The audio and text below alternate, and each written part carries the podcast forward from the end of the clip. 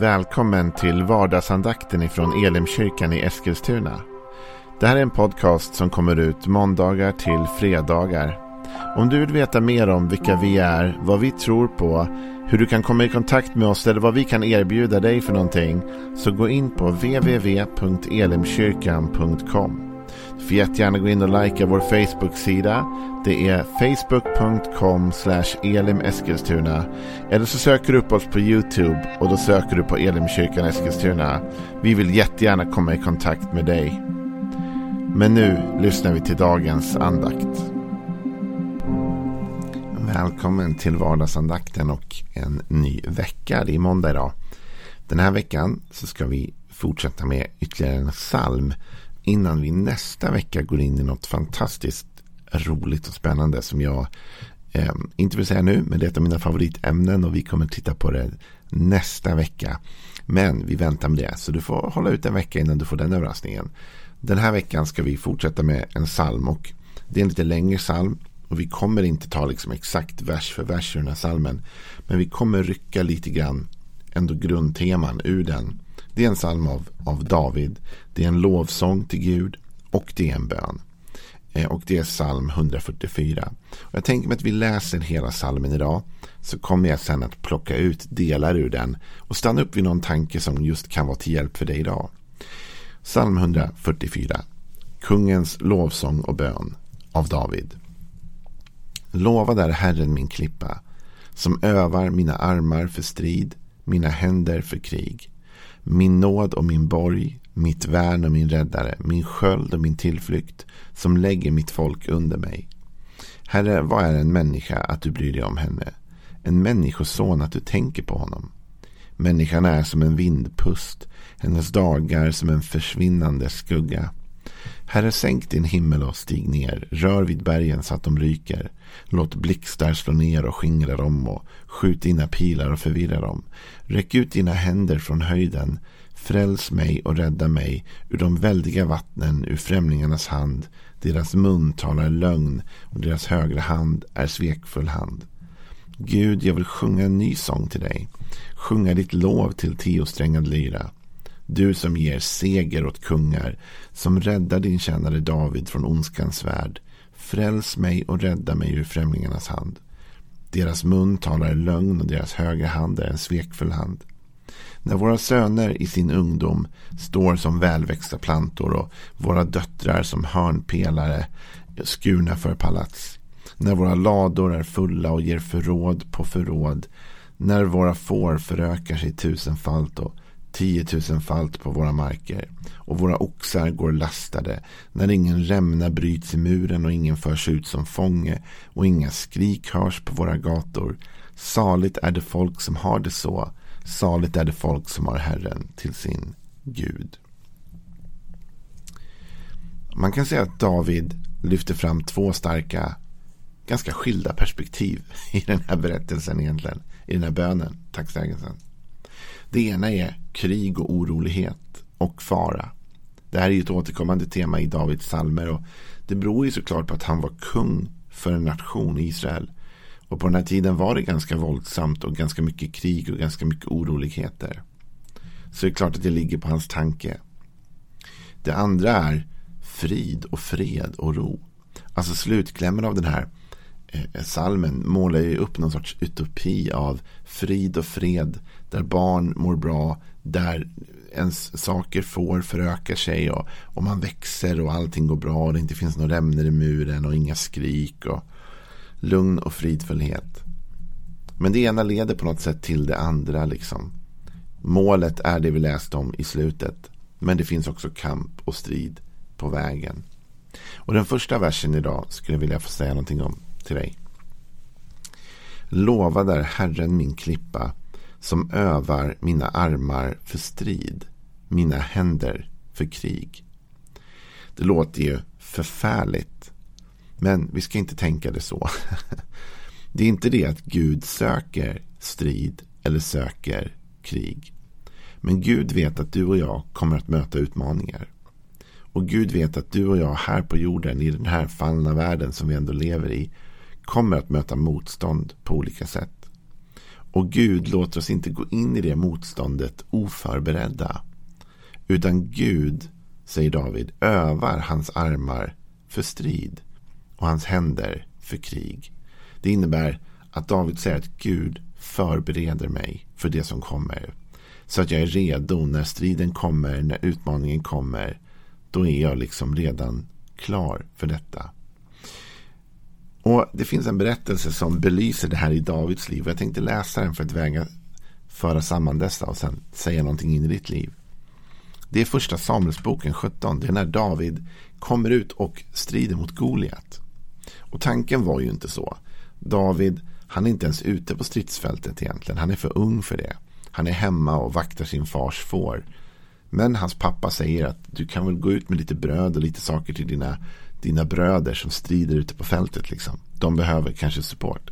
Så David går ut till stridsfältet. Då. Och det är ju ingen strid som råder just då. Utan varje dag så går den här jätten Goliat ut och utmanar och säger Välj ut er bästa krigare och strida mot mig. Och om ni vinner då blir vi era slavar. Men om, om, om jag vinner då blir ni mina eller våra slavar. Och det är ingen som vågar gå upp mot Goliat. Han måste ha varit en oerhört skräckinjagande fighter. Någon sån där som man bara kände direkt att det där kan vi inte besegra. Men när David kommer upp dit så blir han upprörd. Han blir upprörd över att ingen tar sig an denna utmaning och denna, denna filisté som han tycker inte ens har förbund med Gud. Och hur kommer det sig att liksom ingen går till attack? Och han är lite ung och han är lite kaxig och han börjar snacka. Hur som helst leder det honom in till kung Saul. Eh, och då utspelar sig ett samtal. Och jag tänkte läsa den. Så här står det i första Samuelsboken kapitel 17 och vers 31. Man hörde vad David sa och berättade för Saul som lät hämta honom. Och David sa till Saul, låt ingen tappa modet. Din tjänare ska gå ut och strida mot den där filisten. Alltså, kan du bara stanna upp en stund och tänka den här tonåringen du vet. Som kommer in till kungen och säger, det är lugnt. Ingen behöver vara orolig. Så man undrar vad kungen Saul tänkte egentligen. Han tänkte så här, Saul sa till honom, sa till David, inte kan du gå ut och strida mot filisten. Du är ju bara en pojke och han har varit krigare ända från ungdomen. Men David svarade, din tjänare har gått i vall med sin fars får. Kom det ett lejon eller en björn och tog, det, tog ett får ur jorden så följde jag efter vilddjuret och slog ner det och räddade fåret ur munnen på det. Och om vilddjuret då reste sig mot mig grep jag det i manen och slog det och dödade det. Din tjänare har slagit både lejon och björn. Det ska gå den där omskurne filisten som det gick vartenda ett av djuren för att han har hånat den levande gudens här. David sa vidare Herren som räddade mig från lejon och björn ska rädda mig också från den där filisten. Då sa Saul till David Gå, må Herren vara med dig. Det finns någonting i, i Davids iver, glöd, passion, tal som ändå övertygar Saul om att låta pojken försöka. Antingen det eller så hade Saul gett upp. Vi vet inte riktigt vilket. Antingen hade Saul accepterat sitt öde. Det kommer aldrig gå. Eller så kände han, men här finns det någonting hos den här pojken. Och vad David säger är, när han står inför Goliat som är det största problem, den största utmaning som David någonsin har ställts inför. Så tänker David, okej okay, jag har aldrig mött en Goliat förut va, det är nytt. Men jag har mött en björn och jag har mött ett lejon ute som fåraherde. Och Gud lät mig besegra dem. Han har övat mig, han har tränat mig för denna stund. Och du och jag i livet, vi går igenom svårigheter, vi går igenom utmaningar. Och ibland tycker vi att det är orättvist. Och ibland tycker vi att Gud är orättvis. Kanske man tycker så här, Gud varför lät du mig gå igenom det där?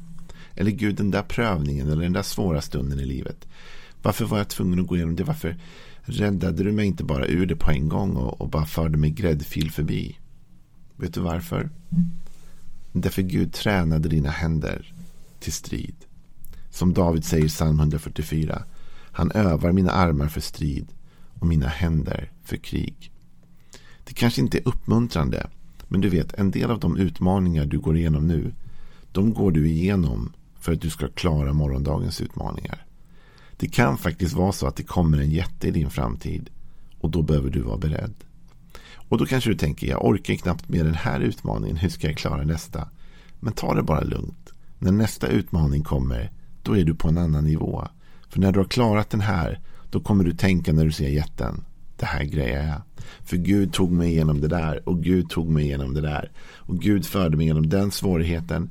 Och Gud räddade mig från lejonet och Gud räddade mig från björnen. Och Gud kommer rädda mig även från denna oomskurne filisté som David säger. Så David säger jag är tränad för detta. Jag har visserligen aldrig fightats mot en jätte. Men jag har fightats mot andra saker i mitt liv. Och du vet, du kanske har med dig en massa negativa saker i ditt liv. Det kan ha hänt en massa grejer i ditt liv som du inte skulle vilja få uppleva igen. Och som du egentligen inte är glad att du upplevde. Du känner bara liksom, ingen skulle behöva gå igenom det jag har gått igenom. Men samtidigt har någonting hänt där. Därför om Gud förde dig ut ur det så har du nu tränats.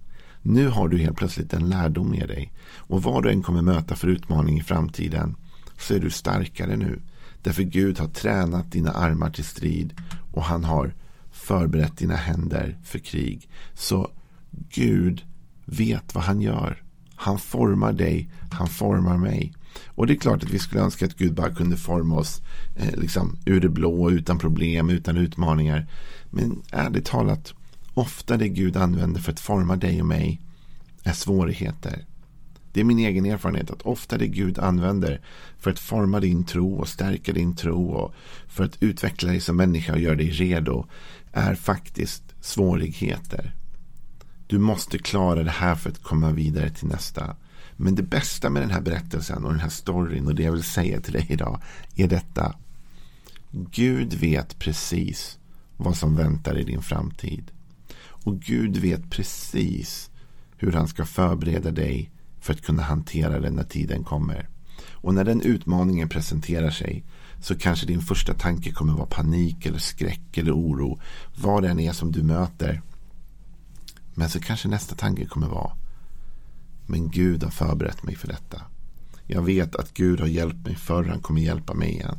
Och Det är därför det är så viktigt att också som David hela tiden påminna sig om, gå tillbaka till vad Gud har gjort för oss. Att vi inte glömmer de segrar Gud har gett oss.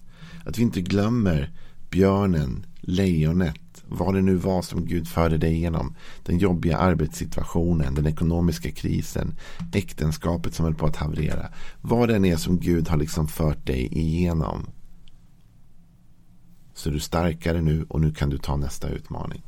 Och man kanske funderar på, så Gud ville att jag skulle gå igenom allt det där svåra? Nej, jag tror inte att Gud vill att vi ska ha svårt eller jobbigt. Men jag tror att Gud vet att träna oss.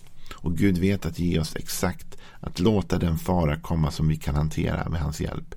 För att sen bli starkare och kunna hantera nästa. Någonstans måste vi hela tiden träna oss och växa och bli starkare. Men Gud är med och Gud vet vad du behöver. Så tänk när det kommer någonting jobbigt idag. Om det kommer något jobbigt idag. Kanske inte kommer något jobbigt idag alls. Du kanske bara har en solig och välsignad dag rätt igenom. Men om du skulle möta något jobbigt idag. Eller kommande vecka. Eller någon gång i år möta någonting som känns svårt. Tänk då så här att nu är det Gud som tränar mig. Nu är det Gud som ger mig en möjlighet att bli skickligare. Nu är det Gud som ger mig en möjlighet att lära mig hantera svårigheter och utmaningar. Så att jag imorgon kan ta mig an ännu större och svårare saker och vinna ännu större och härligare segrar. Därför det är det det handlar om. Ingen av oss kommer någonstans i livet utan kamp och strid och ingen av oss kommer någonstans i livet utan att kämpa lite grann. Så Gud vill träna dig, förbereda dig och göra dig redo så att vi kan säga som David, vi kan stämma in i hans lovsång som går så här. Lovad är Herren min klippa, som övar mina armar för strid och mina händer för krig.